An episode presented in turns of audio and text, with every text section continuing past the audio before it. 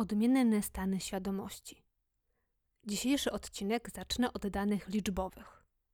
Według badania ESOP, takiego jak dotąd najbardziej kompleksowego badania zdrowia psychicznego Polaków, przeprowadzonego w latach 2009-2012, wynika, że do najczęstszych zaburzeń należą te związane z nadużywaniem różnych substancji, przy czym jest to około 13% Polaków, w tym e, osób nadużywających i uzależnionych od alkoholu jest około 11,9%, a tych uzależnionych lub nadużywających narkotyków jest około 1,4%. Co to oznacza? To oznacza, że nadużywanie substancji, w tym alkoholu, dotyczy ponad 3 milionów Polaków. Inaczej, więcej niż co dziesiąty Polak ma z tym problem, a chciałabym dodać, że to tylko liczba tych, którzy ten problem zauważają i się do niego przyznają. Według tego samego badania, kolejną grupą zaburzeń pod względem ilości cierpiących na nie osób są zaburzenia nerwicowe, w tym napady lęku i paniki, zaburzenia obsesyjno-kompulsywne, czyli różne takie y, natręctwa, czyli notoryczne wracanie do domu po to, żeby sprawdzić, czy na pewno zamknęliśmy drzwi, albo na przykład mycie rąk co 20 minut, które dotykają około 10% Polaków. Tutaj są też zaliczane fobie, na przykład fobia społeczna, która dotyka 1,8% Polaków. Dalej mamy zaburzenia nastroju, czyli na przykład depresję, którą rozpoznano wtedy u około 3% badanych. Dzisiaj szacuje się, że te liczby są znacznie większe, ale przyznam, że nie znalazłam zbyt wielu wiarygodnych źródeł na ten temat, także są to tylko takie różne szacunki, które na pewno należy zweryfikować, ale wynika z nich mniej więcej. Około 15% Polaków chorowało na depresję, czyli jest to już prawie co szósty Polak, a około 3-4% osób cierpi na nią obecnie. W skali kraju to jest 1,5 miliona ludzi. To jest prawie tyle, ilu mieszkańców w Warszawie. Dla ciekawskich dodam, że w Warszawie mieszka obecnie około 1,7 miliona. Dalej mamy zaburzenia lękowe i jest to prawdopodobnie obecnie do 13%. Chorobę afektywną dwubiegunową to jest około 3%, czyli kolejny milion osób. Schizofrenia to 1%, czyli około 400 tysięcy osób. To jest trochę mniej niż mieszkańców w Gdańsku, a trochę więcej niż w Bydgoszczy. Po co przytaczam te liczby, dane i porównania? Żeby pokazać skalę. Ostatnio dowiedziałam się, że jedna moja znajoma, której nigdy w życiu bym o to nie podejrzewała, jakieś dwa lata temu przez kilka miesięcy była na antydepresantach, bo jak sama to określiła, nie radziła sobie, a teraz bardzo ciężko znosi sytuację związaną z koronawirusem i ponownie po nie sięgnęła. Dlaczego nigdy nie podejrzewałabym tej osoby o choroby czy zaburzenia? Bo to jest osoba na wskroś racjonalna, która zresztą podobnie jak ja lubi działać zadaniowo, sprawia wrażenie raczej osoby, która niespecjalnie przejmuje się emocjami. Wiecie, taki typ nie ma co roztrząsać, lepiej brać się do pracy. I choć przyznam, widziałam, że coś się dzieje, że jest ostatnio przygaszona i smutna, ee, ale ta osoba jest bardzo skryta, i raczej podziękowała mi za troskę, ale nie chciała skorzystać z oferowanej pomocy. Tym bardziej w pewnym momencie mnie to wyznanie zaskoczyło. Znam kilka osób, które miały do czynienia z depresją, choćby mój tato po śmierci mojej mamy. Mam też znajomego z neurastenią. Chcę przez to wszystko powiedzieć, że choroby i zaburzenia psychiczne są wśród nas, chociaż często ich nie widać i bardzo rzadko o nich mówimy. Ja o moich trudnych przeżyciach już trochę wspominałam w innym odcinku, ale nie wspominałam, że przy tej okazji przeżywania trudności zupełnie wycofałam się ze świata. Prawie trzy miesiące nie wychodziłam z domu, nie licząc wyjść do pracy. Nie widywałam się nawet z najbliższymi przyjaciółmi, unikałam rozmów. Zlikwidowałam Facebook, Messenger i Instagram, więc yy, wszystkie media społecznościowe. Yy, i do, dotąd tak naprawdę mam kontakt tylko z osobami, które pamiętają, jak używać telefonu. A wiecie, co było jednym z powodów? Moje przekonanie, że w takim stanie smutku, cierpienia i przygnębienia należy się nie pokazywać. W smutku nie wychodzi się na ulicę. to jest coś, o czym lepiej nie mówić i najlepiej, żeby nie było tego widać. E, chociaż sama uważam się za taką osobę świadomą i tolerancyjną, to wolałabym o tym nie mówić. A na zewnątrz, kiedy musiałam się komunikować ze światem zewnętrznym, wolałam udawać, że jest ok, albo przynajmniej, że nie jest tak źle, jak było naprawdę. Wstydziłam się tego, że coś tak bardzo mnie dotyka, że nie potrafię przejść nad czymś dla mnie bolesnym do porządku dziennego i jak to mówią anglosasi, move on. To też wynika z faktu, że jeżeli komuś jest trudno, przeżywa coś bolesnego, jest wewnątrz jakiegoś problemu, to po prostu bardzo trudno o tym mówić. Dlatego według mnie tak bardzo ważna jest świadomość innych osób, które mogą zareagować we właściwym czasie i we właściwy sposób okazać pomoc albo wsparcie. Bo chyba wsparcie jest przede wszystkim tym, czego wielu ludzi bardzo potrzebuje, a o czym nigdy nie mówi. I myślę sobie, że część z Was, kiedy tego słucha, kiwa ze zrozumieniem głową i mówi do siebie: tak, tak, oczywiście. Dobrze, że to się zmienia, należy o tym mówić i wspierać takie osoby. I w, tym, e, w tej frazie takie osoby tkwi diabeł. Mało osób ma problem z powiedzeniem: Znam kogoś z depresją. Tak, ataki paniki to poważna sprawa i bardzo współczuję tym osobom te osoby to jakaś taka grupa, taki tylko teoretyczny człowiek i ciągle w naszym społeczeństwie i naszej świadomości marginalizowany. To jest spoko, jestem tolerancyjny albo tolerancyjna, póki to jest jakaś osoba, a nie ja albo ktoś bardzo bliski. Póki o tym się słyszy i mówi, bo przecież jesteśmy cywilizowani, kulturalni, świadomi oczywiście tolerancyjni, ale póki nas to nie dotyka bezpośrednio jesteśmy tolerancyjni, to znaczy, że tolerujemy te inne osoby. Ale czy na pewno i bez zająknięcia możemy powiedzieć: tak, moja żona, mąż, przyjaciel może mieć nerwicę i to jest ok. Ja mogę być tą osobą i to jest ok.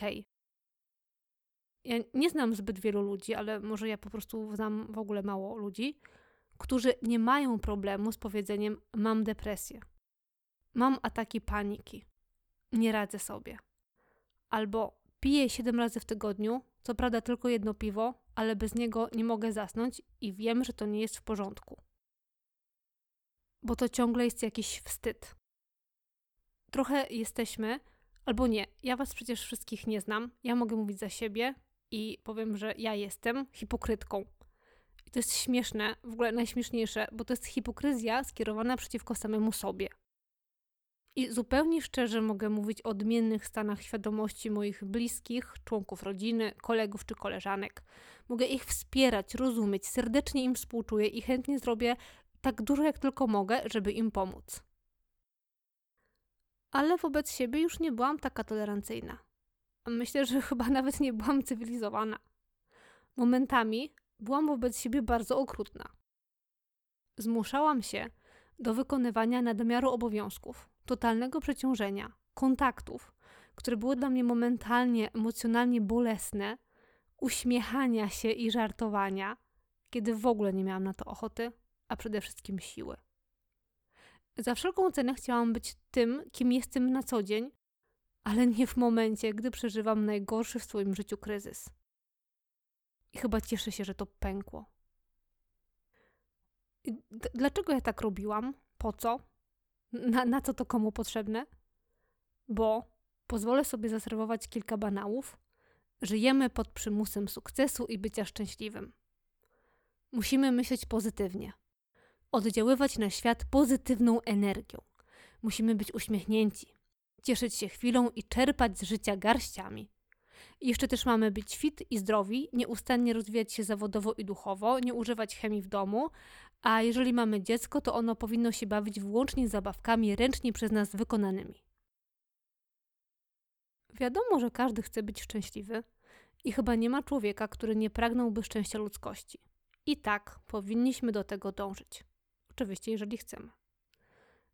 Nie ma nic złego w ludzkiej, w ludzkiej chęci i dążeniu, tak jak nie ma nic złego w dbaniu o siebie i o planetę.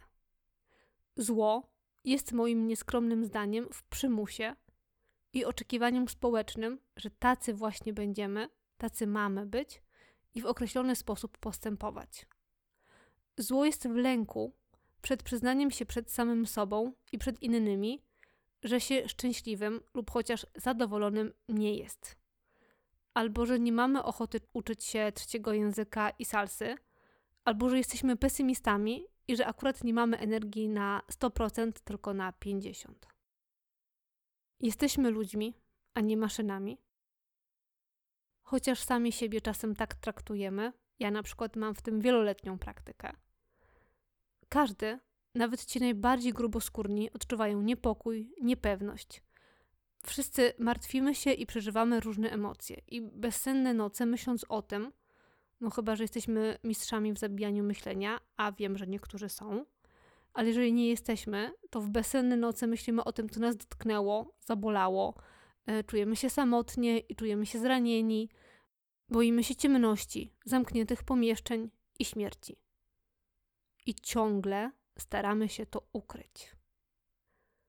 Ponieważ jeżeli nie jesteśmy szczęśliwi, zadowoleni z życia, to znaczy, że ponieśliśmy jakąś porażkę. Coś nam się w tym życiu chyba nie udało. Nie wpisujemy się w trend. Zostaliśmy w tyle. A przecież zewsząd media mówią do nas: nie możesz być nieudacznikiem. Dlaczego jeszcze? Ja wstydzę się swojego uprzywilejowania. Nie jestem samotną matką z trogiem dzieci, chorymi rodzicami, y, z kredytem i na skraju bezrobocia. Jak ja, mając dom, męża, pracę, czyli spełnienie marzeń wielu osób na świecie oraz dostęp do wielu dóbr tego świata, mogę nie być szczęśliwa. No jak? Chyba powinnam myśleć bardziej pozytywnie.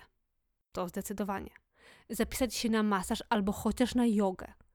E, pójść na basen i na drinka z przyjaciółmi, którzy zarażą mnie swoim optymizmem. Muszę też koniecznie uprawiać mindfulness i pić chiński ziółka. W ogóle to powinnam robić masę rzeczy, żeby to swoje samopoczucie zmienić. Była kiedyś taka akcja z Marią Peszek, która, na ile dobrze pamiętam, publicznie opowiedziała o swojej depresji. Wspomina taką sytuację, w której była na wyjeździe w Tajlandii, pewnie chciała odpocząć i się wyciszyć. E, leżała w hamaku i, o ile dobrze pamiętam, miała ochotę wyjść z bólu, w domyśle psychicznego i w ogóle nie żyć. I że to było straszne. A potem pojawiły się w internecie memy i jakieś takie prześmiewcze e, powiedzonka normalnie cierpię jak Maria Peszek w Bangkoku. No śmiechy, chichy, ale to było koszmarnie okrutne. Świat cały czas daje mi do zrozumienia, laska, to nie jest okej. Okay. Nie jesteś godującym dzieckiem w Afryce, więc nie powinnaś narzekać, powinnaś być szczęśliwa. I ta powinność mnie dobija. Czuję wstyd z powodu bycia niecałkiem szczęśliwą.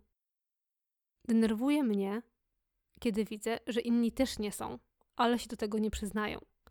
I wmawiają usilnie, nie wiem komu, sobie czy mnie, że bardzo są szczęśliwi. I im częściej to powtarzają, tym mniej są wiarygodni. Pewnie dlatego mnie tak to wkurza, bo sama tak robię. Jestem przekonana, że ci inni ludzie też nie przyznają się do problemów z tego samego powodu co ja, z poczucia wstydu. Rozumiem, chyba każdy rozumie, że niełatwo jest się przyznać, że na przykład nie radzimy sobie z wychowaniem dziecka, albo że dopadła nas depresja, albo że od trzech lat nie śpimy i że już mamy dość, albo że nasz związek nie jest wcale idealny i że nie pracujemy każdego dnia i noc nad pogłębieniem naszej e, bliskości, intymności i uczuć, tylko wymieniamy komunikaty w stylu wnieś śmieci. Trudno jest się też przyznać, że nowa praca, dla której porzuciliśmy dotychczasowy kołchos i która miała być pracą marzeń, jednak no nie jest. Jest tylko nowym kołchozem, w dodatku z psychopatycznym szefem. Poza tym smutni lub niezadowoleni ze swojego życia, czy też ludzie, y, którzy borykają się z jakimiś trudnościami i problemami, to nie są ludzie, z którymi chcemy być. Jakiś czas temu, w rozmowie z moją bardzo dobrą koleżanką, na pytanie, co u mnie, powiedziała mi sporo pozytywnych rzeczy, bo akurat tak wtedy było, ale dodałam też, zapytana bezpośrednio o to, co u mojego taty, bo moja koleżanka jest jego wierną fanką, że u mojego taty zdiagnozowano raka trzustki i że tak naprawdę to nie najlepiej. W odpowiedzi usłyszałam: O rany, u ciebie to zawsze jakieś dramaty. No i nie rozmawiałam z nią od tamtego czasu. I z wieloma znajomymi również. Z takimi, którzy y, rzuciliby: O Jezu, ty to masz. Oraz z nienawidzoną przeze mnie minę zbitego psa, czyli wyrażającą nie wiem na ile rzeczywiste współczucie, a na ile taki lęk i chęć wycofania się z tego pytania. Bo nie każdy jest gotowy na usłyszenie szczerej odpowiedzi. Tak wyszło, że w moim życiu było i bywa nadal trochę dramatów. A chyba wszyscy jednak wolimy komedię. Ci smutni i z dramatami są dla niektórych trochę jak trendowaci. Lepiej się z nimi nie stykać, żeby się nie zarazić. Wolimy być daleko, wzruszać się oglądając chorych w telewizji, ale broń Boże ich dotykać. Albo też często po prostu nie wiemy, co robić, co odpowiedzieć, bo nikt nas tego nie nauczył. Nie było w szkole wychowania do życia w społeczeństwie, ani takiego przedmiotu jak zrozumienie i wsparcie dla innych ludzi. Nie było. My nie wiemy, co robić. I ja postanowiłam tę lukę w edukacji w bardzo skromnym zakresie nadrobić. To co należy robić, gdy okazuje się, że w naszym otoczeniu mamy kogoś z zaburzeniami psychicznymi? Po pierwsze, primo, zauważać i nie być obojętnym. Jeżeli wydaje nam się, że ktoś znajomy czy członek rodziny zachowuje się nienaturalnie albo po prostu inaczej, to z nim o tym pogadać, zareagować, nie udawać, że nic się nie dzieje. Po drugie, primo, doceniać. Jeżeli ta osoba się leczy, próbuje walczyć, chce sobie pomóc i nieszczególnie się jej to udaje, to wtedy trzeba jej pokazać i docenić to, co już się udało. Jeżeli na przykład ktoś ma problem z uzależnieniem od alkoholu i od dwóch tygodni nie pije i się właśnie złamał, to powiedzmy mu, że następnym razem to będzie trzy tygodnie, a potem dziesięć, a potem wcale. Należy doceniać małe kroczki, bo często dla kogoś, na przykład w depresji czy uzależnieniu, to są kroki milowe. Po trzecie, primo, motywowanie do zmian i podejmowania działania. Na przykład do wstania z łóżka, bo potem to już jest z górki, yy, za pomocą różnych drobnych gestów. Tu mogę powiedzieć z własnego doświadczenia, Mój mąż na przykład motywował mnie zapachem kawy, kiedy nic mi się nie chciało i chciałam zostać cały dzień w łóżku, albo zapachem moich ulubionych dań, kiedy ze smutku straciłam apetyt. Bo jak już wypiłam kawę i zjadłam coś dobrego, to potem pojawiała się ochota na więcej. A każda czynność i każde działanie to był krok do przodu. Jeśli ta bliska czy znana nam osoba chce rozmawiać, to nie tyle rozmawiać, ile słuchać i wykazywać cierpliwość, bez wydawania jakichś osądów i bez oceniania. Słowa w stylu weź się w garść albo przestań się nad sobą użalać są zakazane.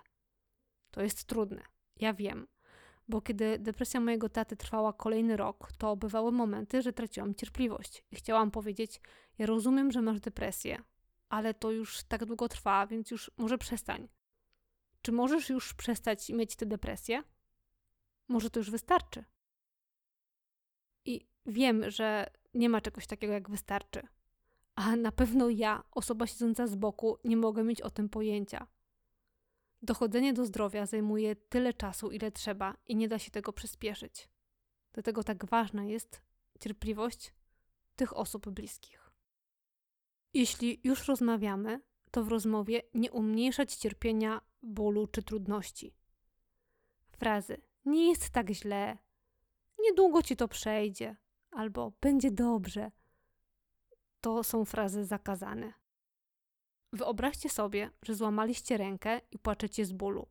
Ja nie wiem dokładnie, bo nie miałam nigdy złamanej ręki, ale myślę, że złamana ręka to musi naprawdę bardzo boleć. A ktoś wam mówi, e, no nie, no chyba nie boli aż tak bardzo. Daj spokój, może, może zaraz przestanie. Okrutny, nie? Ponadto w takich rozmowach nie doradzać. nie mówić, teraz musisz to, a teraz powinieneś albo powinnaś e, coś innego, czyli na przykład zacząć medytować, bo tak naprawdę nikt tego nie wie. W niektórych przypadkach istnieje jakiś jeden konkretny czynnik, który potęguje zły stan, powoduje jakieś przykre emocje, to wtedy oczywiście jak najbardziej należy zminimalizować lub wyeliminować ten czynnik. Na przykład, jeżeli ktoś z nerwicą, na, powiedzmy, y, panicznie boi się wystąpień publicznych, może go nie zapisywać y, do udziału w stand-upie, tak tymczasowo. Albo jeżeli ktoś cierpi na depresję z powodu śmierci kogoś bliskiego, to może nie pokazywać mu wspólnych zdjęć i nie wspominać tego zmarłego w co drugim zdaniu. Nie wiem, no tak, tak tylko mówię, tak sugeruję. Co jeszcze można robić? Można być, dawać o sobie znać, mówić: hej, jak coś to jestem. Jakbyś chciał, chciała pogadać albo pójść na spacer, to jestem. Nawet proste siedzenie obok w trudnej chwili i dawanie poczucia, że można na kogoś liczyć, to bardzo dużo znaczy. I ostatnia, przynajmniej na mojej liście, na pewno jest ich znacznie więcej. Rzecz, którą można robić, to zachęcić do kontaktu ze specjalistą. Inna rzecz, którą jeszcze chciałam się z Wami w tym podcaście podzielić, to jest to, jak dbać o swoje zdrowie psychiczne. Bo tego też nikt nas w szkole nie nauczył. I na przykład teraz wiemy, że żeby nie zarazić się koronawirusem, to musimy często myć ręce i yy, nie kontaktować się z innymi ludźmi. A co na przykład mamy zrobić, żeby nie dostać nerwicy albo nie wpaść w uzależnienie? Nie wiadomo. Dlatego ja chciałam się z Wami podzielić takimi moimi prywatnymi zasadami zdrowia psychicznego, które sobie niedawno stworzyłam i zachęcić do stworzenia własnych zasad. Zasada numer jeden: czytać znaki. Ale nie takie znaki zodiaku albo jakieś inne gwiezdne czy magiczne, tylko takie, które sami sobie dajemy. Dla mnie kiedyś takim znakiem, że chyba muszę odpocząć i pracuję za dużo, był zapach pasztetu. To było po wielu godzinach i dniach bardzo wytężonej pracy w biurze, kiedy nagle w środku dnia, ni stąd, ni z owąd, poczułam zapach pasztetu. Zaczęłam niuchać dookoła biurka i pytać koleżankę i kolegę, którzy wtedy w biurze ze mną byli: Ej, czujecie? Normalnie pasztet. Zapach pasztetu. Skąd to? Skąd ten pasztet? I okazało się, że tylko ja go czuję. To był zapach pasztetu w mojej głowie. I to był znak, że jestem już tak totalnie przemęczona, że koniecznie muszę odpocząć. Znakiem może być również zapominanie. Na przykład, kiedy zapomina się przesiąść na inną linię tramwajową w drodze do pracy. Mózg jest wtedy tak przeciążony, że przestaje działać pamięć podręczna, wyłączamy się i jest klops. I 20-minutowe spóźnienie. Dla kogoś znakiem może być oglądanie trzech seriali pod rząd. Myślę, że każdy ma jakiś repertuar własnych znaków. Zasada druga odpuszczanie. To jest coś szczególnie dla osób ambitnych i konsekwentnych, dla tych, co lubią na 100%, a najlepiej na 120%, czyli dla mnie. Staranie się mocniej, intensywniej, lepiej wyczerpuje energetycznie, a efekty zazwyczaj są żadne. Ale takim ludziom jak ja to nie przeszkadza. Bo właśnie takiego pojęcia jak odpuszczanie nie znają. Dlatego zalecam sobie i wielu innym bliżej się z nim zapoznać. Punkt trzeci. Dbać o zdrowie fizyczne. Dla mnie to znaczy wysypiać się, dobrze się odżywiać i uprawiać sport. Na przykład chodzić na spacer, bo wysiłek fizyczny sprawia, że w organizmie wydzielają się endorfiny, to są hormony szczęścia, które wywołują dobre samopoczucie i zadowolenie, podobnie jak opioidy. Dlatego biegacze zawsze sprawiają wrażenie takich naspidowanych. Teraz to wiem. Zasada czwarta. Nie porównywać się do innych. Moi drodzy, z porównywania to ja mam dyplom. I mówię to całkiem poważnie. Jest taki kierunek studiów jak komparatystyka. I ja mam z tego magistra. Także jestem naprawdę obcykana i dobra w tym. A to jest akurat bardzo źle, bo jak mówią specjaliści, jedyne zdrowe porównanie to porównanie samego siebie ze samym sobą w jakichś innych okolicznościach czy okresie. Ja nie wiem skąd się to wzięło u ludzi. Ja nie wiem, czy jest jakiś błąd w ewolucji, czy na przykład y, pawiany, albo jakieś tam, y, nie wiem, pawy. Też sprawdzają, czy na przykład ja mam ładniejszy ogon niż ten paw obok. Ja nie wiem. To jest zapewne taka zagadka ludzkości. Natomiast w moim konkretnym przypadku, też kilku mi znanych, to się wzięło od rodziców. Pewnie jakaś część z Was słyszała. No ta twoja starsza siostra w twoim wieku to już znała pięć wierszyków, a ty znasz tylko trzy. Albo jak ktoś nie miał rodzeństwa, to o zobacz, ten Marcin od sąsiadki to przyniósł piątkę ze szkoły, a ty e, cztery i pół. No, trudno jest się tego oduczyć. Szczególnie jak się w tym wyspecjalizowało. Punkt piąty. Nie przepracowywać się. Jak e, już wspominałam, na pewno jestem rasowym pracocholikiem, także to jest kolejne trudne wyzwanie, którego się podejmuję. Punkt szósty. Unikać toksycznych ludzi. Jak poznać toksycznego człowieka? Jeśli po rozmowie z nim czujesz się źle ze samym sobą, masz wyrzuty sumienia, a nawet wcześniej, jeżeli wiesz, że będziesz z tym człowiekiem rozmawiał, czujesz dyskomfort. Jeżeli po rozmowie albo po spotkaniu odczuwamy stres, odbiera nam to energię, czujemy się gorsi, głupsi, jacyś rozbici lub skołowani, to już. To jest toksyczna relacja. Należy się z niej jak najszybciej wymontować. Punkt siódmy: nic nie robić. To jest też coś, czego ja nie umiem, ale się uczę. E, mam alergię na marnotrawstwo, chociażby właśnie czasu, i nic nie robienie jest dla mnie niczym przekleństwo. Dlatego to sobie przepisuję. Punkt ósmy. Małe przyjemności. Ja lubię przebywać w miejscach, które jakoś tam cieszą mnie estetycznie, w których jest ładnie, w jakimś wnętrzu, które mi się podoba. To może być jakiś kącik albo ławka w parku, w każdym razie miejsce, w którym się dobrze czujemy. To może być jakieś ulubione danie, albo słuchanie dźwięku tybetańskich mis i gongów. O, to jest moje ostatnie odkrycie. Bo ja w ogóle, ja, ja nie mogę żadnych takich, yy, wiecie, relaksujących medytacji i wkurza mnie to i w, w ogóle ja się nie mogę skupić, jak ktoś do mnie mówi i każe mi sobie coś wyobrazić, że jestem w jakiejś jaskini na przykład i słyszę wodę, to, to, to nie, w ogóle, w ogóle nie. I też y, wiele takich różnych polecanych technik oddychania i nie wiem tam czegoś jeszcze, leżenia, to, to w ogóle na mnie nie działa.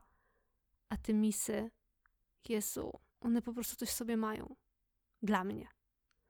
Ja zachęcam do znalezienia czegoś takiego dla siebie, ale takiego czegoś nieangażującego, co nie przeszkadza i możemy na przykład jednocześnie prowadzić samochód, a co daje nam taką, e, taką chwilę wewnętrznej przyjemności. 9. Bycie samemu ze sobą. To jest punkt, którego y, nie trzeba komentować. To, to już. I punkt dziesiąty. Dużo się śmiać. Śmiech był zawsze dla mnie taki y, ocalający i humor cenię sobie chyba jak nic innego na świecie. Nawet jeżeli to jest głupkowaty napad historycznego śmiechu. Albo to jest taki śmiech w nieodpowiednim momencie, na przykład na egzaminie. Albo z czegoś, co w sumie nie było śmieszne, albo nawet było, ale jak nie możemy się przestać śmiać przez 10 minut, to już jest takie trochę niepokojące. Ale to jest właśnie najczęściej ten, ten śmiech taki ocalający. Ten sposób nasz mózg radzi sobie z napięciem i próbuje je rozładować. Taki nerwowy i nieadekwatny śmiech jest naszym mechanizmem obronnym i ma nas chronić przed tym, co nas spotyka. Jakoś e, zamortyzować to e, uderzenie e, w twarz od losu że śmiech to zdrowie, to nie ja w ogóle odkryłam, to przecież wiadomo od zawsze. Także na zakończenie już zachęcam Was do śmiania się w każdej nadarzającej się y, sytuacji, przy każdej okazji, a nawet bez okazji. I że lepiej poudawać wariata, niż po prostu zwariować naprawdę. A to był czwarty odcinek podcastu Nie do powiedzenia, nie do pomyślenia o odmiennych stanach świadomości.